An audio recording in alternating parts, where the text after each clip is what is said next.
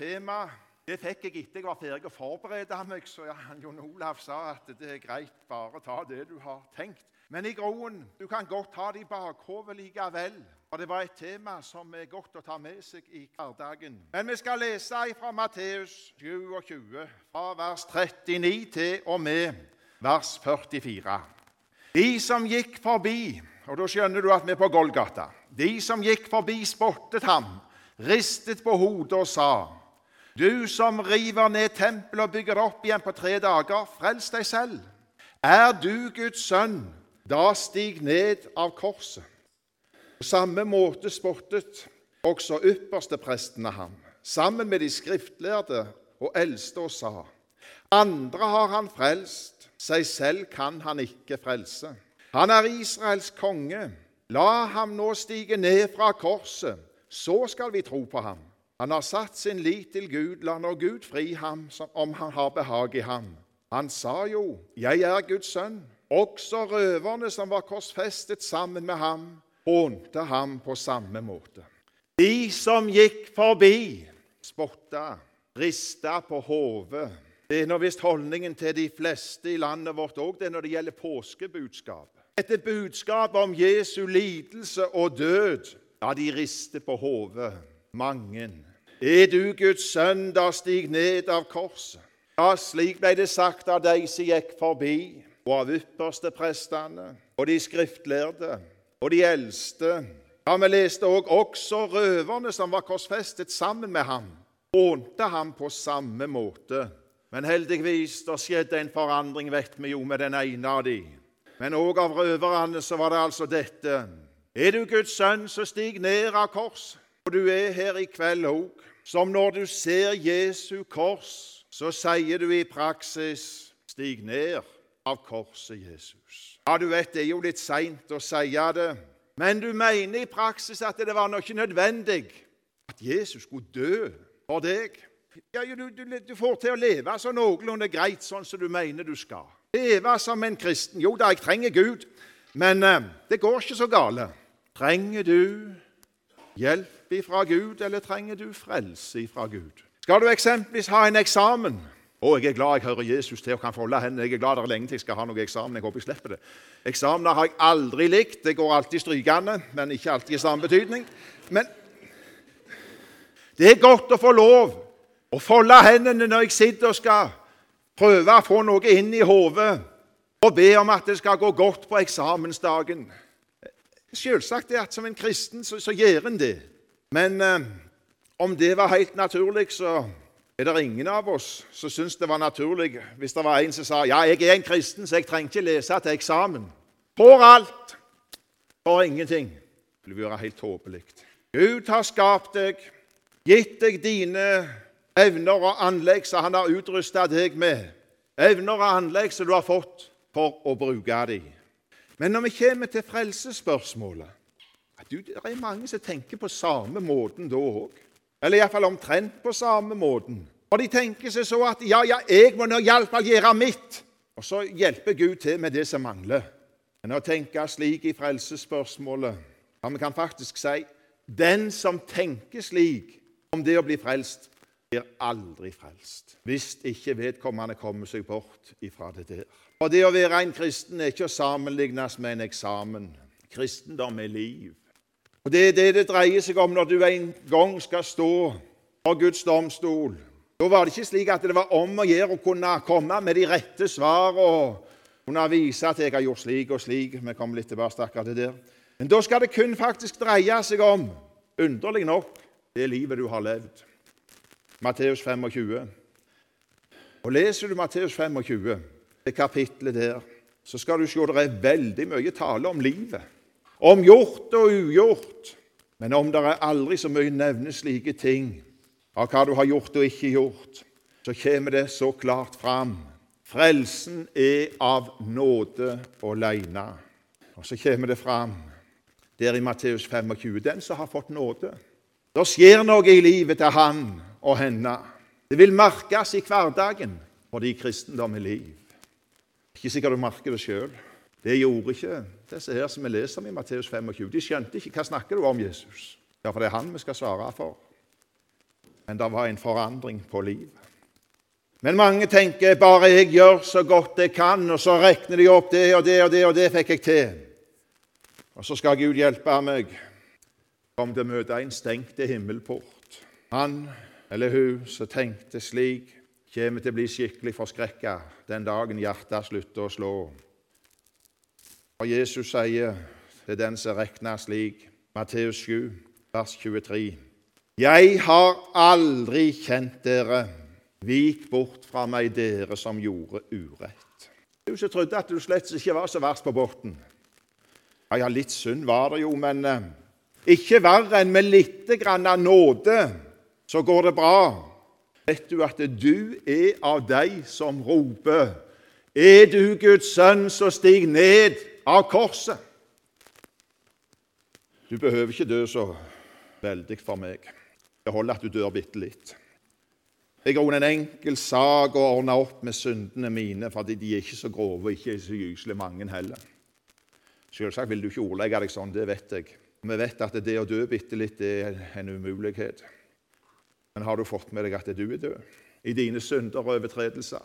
Ikke bare litt. Og det er mange som tenker det er ikke så gale. Bare litt hjelp, så skal det gå. Ja, det er mange som tenker sånn om det å bli frelst. De har ikke mista trua på seg sjøl. De tar ikke Bibelens ord om hvordan det er med dem, på alvor. De regner med at når livet er slutt, så er det den store eksamen, og den skal de klare. For de har gjort så mye, klart seg så godt på det åndelige området, i arbeidet i Guds rike. Vi leste Matteus 7, 22, verset foran. Matteus 7, 22. Mange skal si til meg på den dagen, Herre, Herre, har vi ikke profetert i ditt navn, drevet ut onde ånder i ditt navn og gjort mange kraftige gjerninger i ditt navn? Det hjalp ikke. Du frelses ikke ved din kristendom. Nå la jeg vekta på din, men alene ved Kristus Jesus. Og din tjeneste i Guds rike er nåde. Jeg kunne gått tilbake til Matteus 25. Men om du gjør som mange gjør, og regner med din tjeneste til frelse, så sier Jesus da går du fortapt. For til frelse for deg så er det bare én ting som holder, og det er nåden i Jesus. Dette at Jesus ikke steg ned fra korset, men ble hengende der på korset og døde for deg, sto opp for deg. Når jeg fikk vite at jeg skulle få si noen ord her i kveld, så setter jeg meg ned. Jeg brukte noen timer på å forberede meg. Det første var om jeg bokstavelig fulgte hendene, det skal jeg ikke påstå, men å be om ord å gå med. Ord som jeg håpte og ba om at det måtte bli til hjelp for en eller annen som kom denne kvelden. Og så tror jeg at Gud i sin store nåde òg har utrusta meg til det han har kalt meg til, selv om jeg kjenner meg aldri så hjelpeløs. Og selv om jeg de fleste ganger jeg setter meg ned og føler at ja, ja, var den der talen en eksamen, så var dette stryk. Ja, mange ganger tenker jeg Gud kunne ha brukt noen som var bedre skikka, som hadde mer forstand. Men av nåde så får òg jeg være med og peke på Jesus så har jeg erfart det at av nåde så bruker han attpåtil preiker som står aldeles til stryk. Både i utforming og måten det ble sagt på, alt i sammen. Men som sagt, i denne sammenheng så betyr nåde ikke at jeg satte meg ned og ingenting gjør. Så nå snakker vi gjennom tjenesten i Guds rike. Jeg måtte forberede meg. Og jeg skal være best mulig forberedt når jeg stiller meg foran en forsamling for å si noen ord om Jesus. Og jeg skal være best mulig forberedt til å kunne si noen ord om Jesus når jeg møter et menneske i hverdagen og får en anledning til å si noen ord om han. Altså når det ikke var planlagt. Men at det er helt og fullt nåde å få være med i arbeid i Guds rike, det har jeg lyst til å streke unna. Og For min egen del så, så jeg det best for en høst for noen år siden, der jeg ikke var helt frisk. Hele den høsten så var jeg omtrent ikke i stand til å forberede en eneste ny tale. Og det er ikke akkurat det kjekkeste, det der, eh, dag etter dag, å be om klarhet i hva gammel tale jeg skal finne fram i kveld. Så det bledde i gamle taler. Her er det denne. Ja, ja, det var en underlig høst. Og til tross for at helsa ikke var god, og det var gamle taler kveld etter kveld etter kveld, var det en av de rikeste høstene jeg har fått reise med ordet. Jeg opplevde at ordet ble til velsignelse for meg som talte, og jeg opplevde at ordet ble til velsignelse for de som hørte. Men du, hvor hjelpeløs jeg følte meg. Og vi har jo òg klar instruks. Vi skal jobbe sju og en halv time til dagen. Jeg måtte inn på kontoret og snakke med regionleder. Jeg sa jeg arbeider ikke sju og en halv time til dagen. Jeg forbereder ikke nye preiker. Jeg er ikke i stand til det. Skal jeg ha sykemelding 50 sånn at jeg regner bare når jeg står på talerstolen? Ja, ja, jeg fikk se. Det er nåde. Det er nåde å få lov å være med. Og så er det Han som sender, som vil sørge for både budskap å gå med, og nåde til å bære det fram. Så har jeg etter den høsten sett klarere enn noen gang det er nåde òg når det sviver som det skal i toppen, og jeg kan sitte og forberede meg på normale måte. Det er nåde da òg å få noe å gå med. Tjenesten i Guds rike er alltid nåde. Ja, det er nåde at Jesus sier til alle de som har tatt imot ham, dere er mine vitner. Matteus 7, 21. Ikke enhver som sier til meg, Herre, Herre, skal komme inn i himlenes rike men den som gjør min himmelske Fars vilje. Men det å gjøre vår himmelske Fars vilje er ikke det samme som vår tjeneste. Det er lett for å tenke det. Og Det var det vi ser av sammenhengen de gjorde, disse her som jeg møter. De uhyggelige ordene kjenner dere ikke. Sannheten om deg og meg, ja, det er at i oss sjøl så er vi ikke bare litt fortapt litt hjelpeløse, litt syndere. Vi er 100% fortapt. En av de gamle preikerne det er vel Per Nordslett han heter, han sier 'fra isse til fot, hjertets innerste rot kun en eneste masse av synd'. Altså aldeles fra topp til bånn. Ingenting som holder. Slik du er i deg sjøl, så er du ikke forstandig å søke Gud. Du har gått bort ifra den vei du skulle vandre. Du er aldeles udugelige, ugudelige. Du er i denne sammenheng slik at du gjør ikke noe godt. De ord som kommer ut av din munn, de er bare elendighet. Din munn er full, full av forbannelse, bitterhet. Strupa di er ei åpen grav der det velter fram elendighet. Ja, ødeleggelse og elendighet er på din vei, og dine føtter er raske til å utøse blod. Og fredens vei kjenner du ikke. Guds frykt er ikke for øynene dine. Nei, stopp nå litt. Kjenner du den protesten? Stopp nå litt. Så galt er det nå ikke med meg. Så galt er det ikke. Noe av det der han jeg traff bitte litt, men eh, det meste var fullstendig skivebom. Jeg valgte å bruke de ord jeg gjorde, fordi det er omtrent slik det står i Romerbrevet 3, fra vers 10 og utover. Der males det i grunnen enda sterkere dette bildet av hvordan du og jeg er i oss sjøl. Tror du det er du som har rett, eller er det Gud som har rett?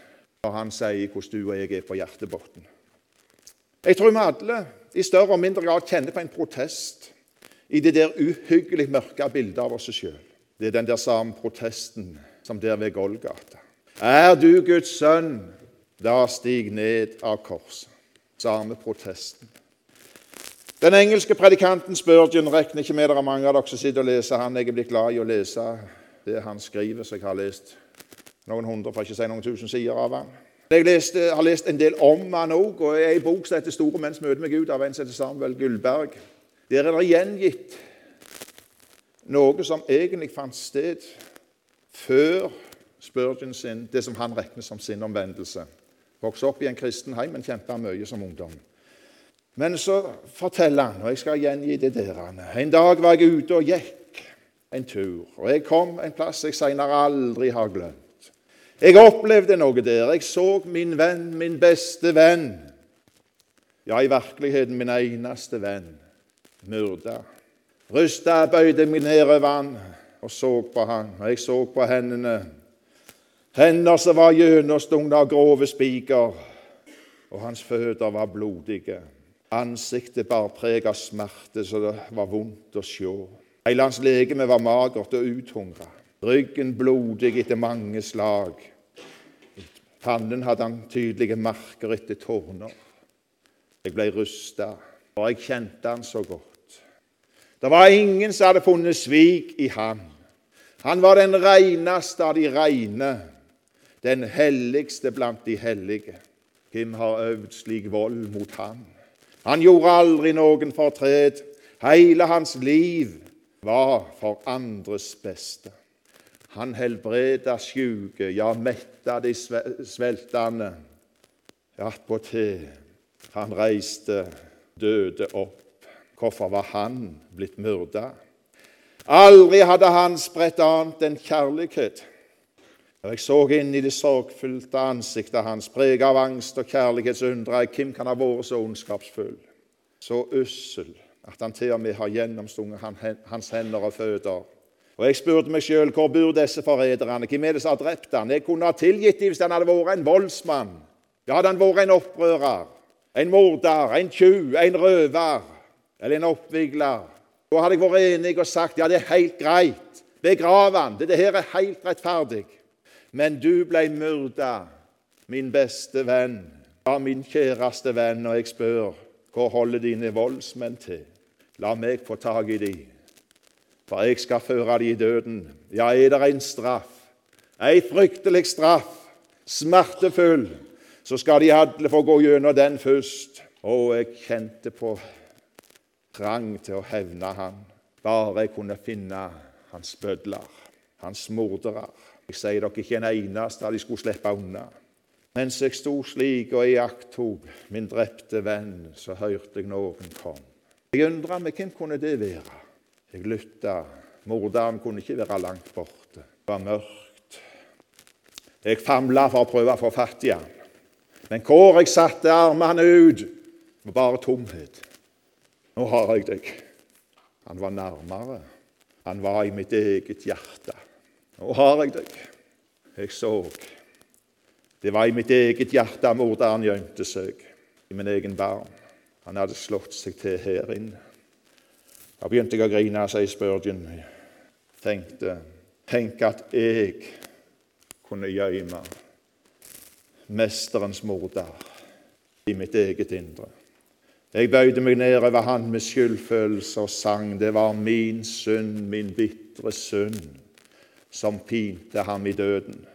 Hver synd ble nagler i hans kors, min vantro spydde inn i siden. Slik skrev Spurgeon for 150 år siden sånn cirka. Og jeg kjenner meg igjen. Det er sant, det han skriver. Til mer vi får se av oss sjøl, til mer må vi gi Gud rett attpåtil det der som står i Romerbrevet 3, ja, det var så mørkt et bilde av meg og deg. At det mer vi får se av oss sjøl, til mer ser vi jeg er fortapt. Det er mine synder som gjorde at Gud sendte sin egen sønn, og han ble ført i døden. Det var for meg at han hang der på korset. Ja, det var mine synder som nagla han til korset. Slik som vi er i oss sjøl, så trenger vi ikke bare litt justering, litt ommøblering, litt reparasjon. Vi må frelses fra en evig fortapelse, den fortapelsen som vi alle var på vei imot. Så elska Gud slik at han ga sin sønn, den enbårne, for at hver den som tror på han ikke skal fortapes. Derfor, om du gir Guds vilje, som vi leste om i Matteus 7, så skal du se på Jesus. Det er Guds vilje. Du skal se på Jesus og regne bare med Han til din frelse. Johannes 6, vers 40. Dette er min fars vilje, at hver den som ser Sønnen og tror på ham, skal ha evig liv, og jeg skal oppreise ham på den siste dag. Jeg skal holde på den siste dagen òg, det. Se på Jesus og regne bare med ham. Ja, se på Jesus. Der er livet. Og det å se og det å tro i dette verset her og i denne sammenheng synonymer. Se og tro. Så regner jeg med at det som jeg har sagt i kveld, det kunne du veldig godt i teorien. Lever du og jeg etter det? Lever vi i nåden, eller regner vi i praksis med at vi frelses av å gjøre så godt vi kan, og så får vi litt hjelp med det vi ikke kunne? Har vi sett det at verken du eller jeg har noe i oss sjøl å bygge på? Vi driver ofte på med ommøblering. Tar oss sammen og skal gjøre det litt annerledes, og så skal det bli liksom litt bedre med oss kristelig sett. Men kristendom er ikke ommøblering, det er nytt liv. Mange er de som tror at det hjelper å fikse litt på det gamle livet. Ja, ja, kanskje litt protester igjen. Du kan nå ikke si mange, men det er Jesus som sier mange driver på sånn. Vi leste i Matteus 7, 22 at det var mange som skulle komme på den dagen og si 'Herre, Herre', og så skulle de begynne å ramse opp alt det de hadde gjort. Og som de regna med at det må være inngangsbillett god nok til himmelen. Og det uhyggelige, kanskje ikke minst for meg som reiser som forkynner, det er at mange skal si Jeg reiste jo som forkynner i Misjonssambandet. Eller jeg var en trufaste prest til å forkynne ordet der jeg var sett, osv. Eller jeg reiste som misjonær til der og der. Den som kommer slik, møter ei stengte dør. De hadde i praksis hele sitt liv ropt Stig ned fra korset, Jesus. Ja, de forkynte det for andre, men de trang det ikke sjøl. Trenger du Jesu kors? Eller er du av de som i praksis sier 'stig ned fra korset, Jesus'? Er Jesus ditt eneste håp? Er det det håp som evangeliet gir? Ditt håp er grunna på, og som din tjeneste for Gud òg er grunna på. Jesus, du Guds sønn, takk at du ikke steg ned av korset. Takk at du døde for meg og for hvert et menneske på denne jord.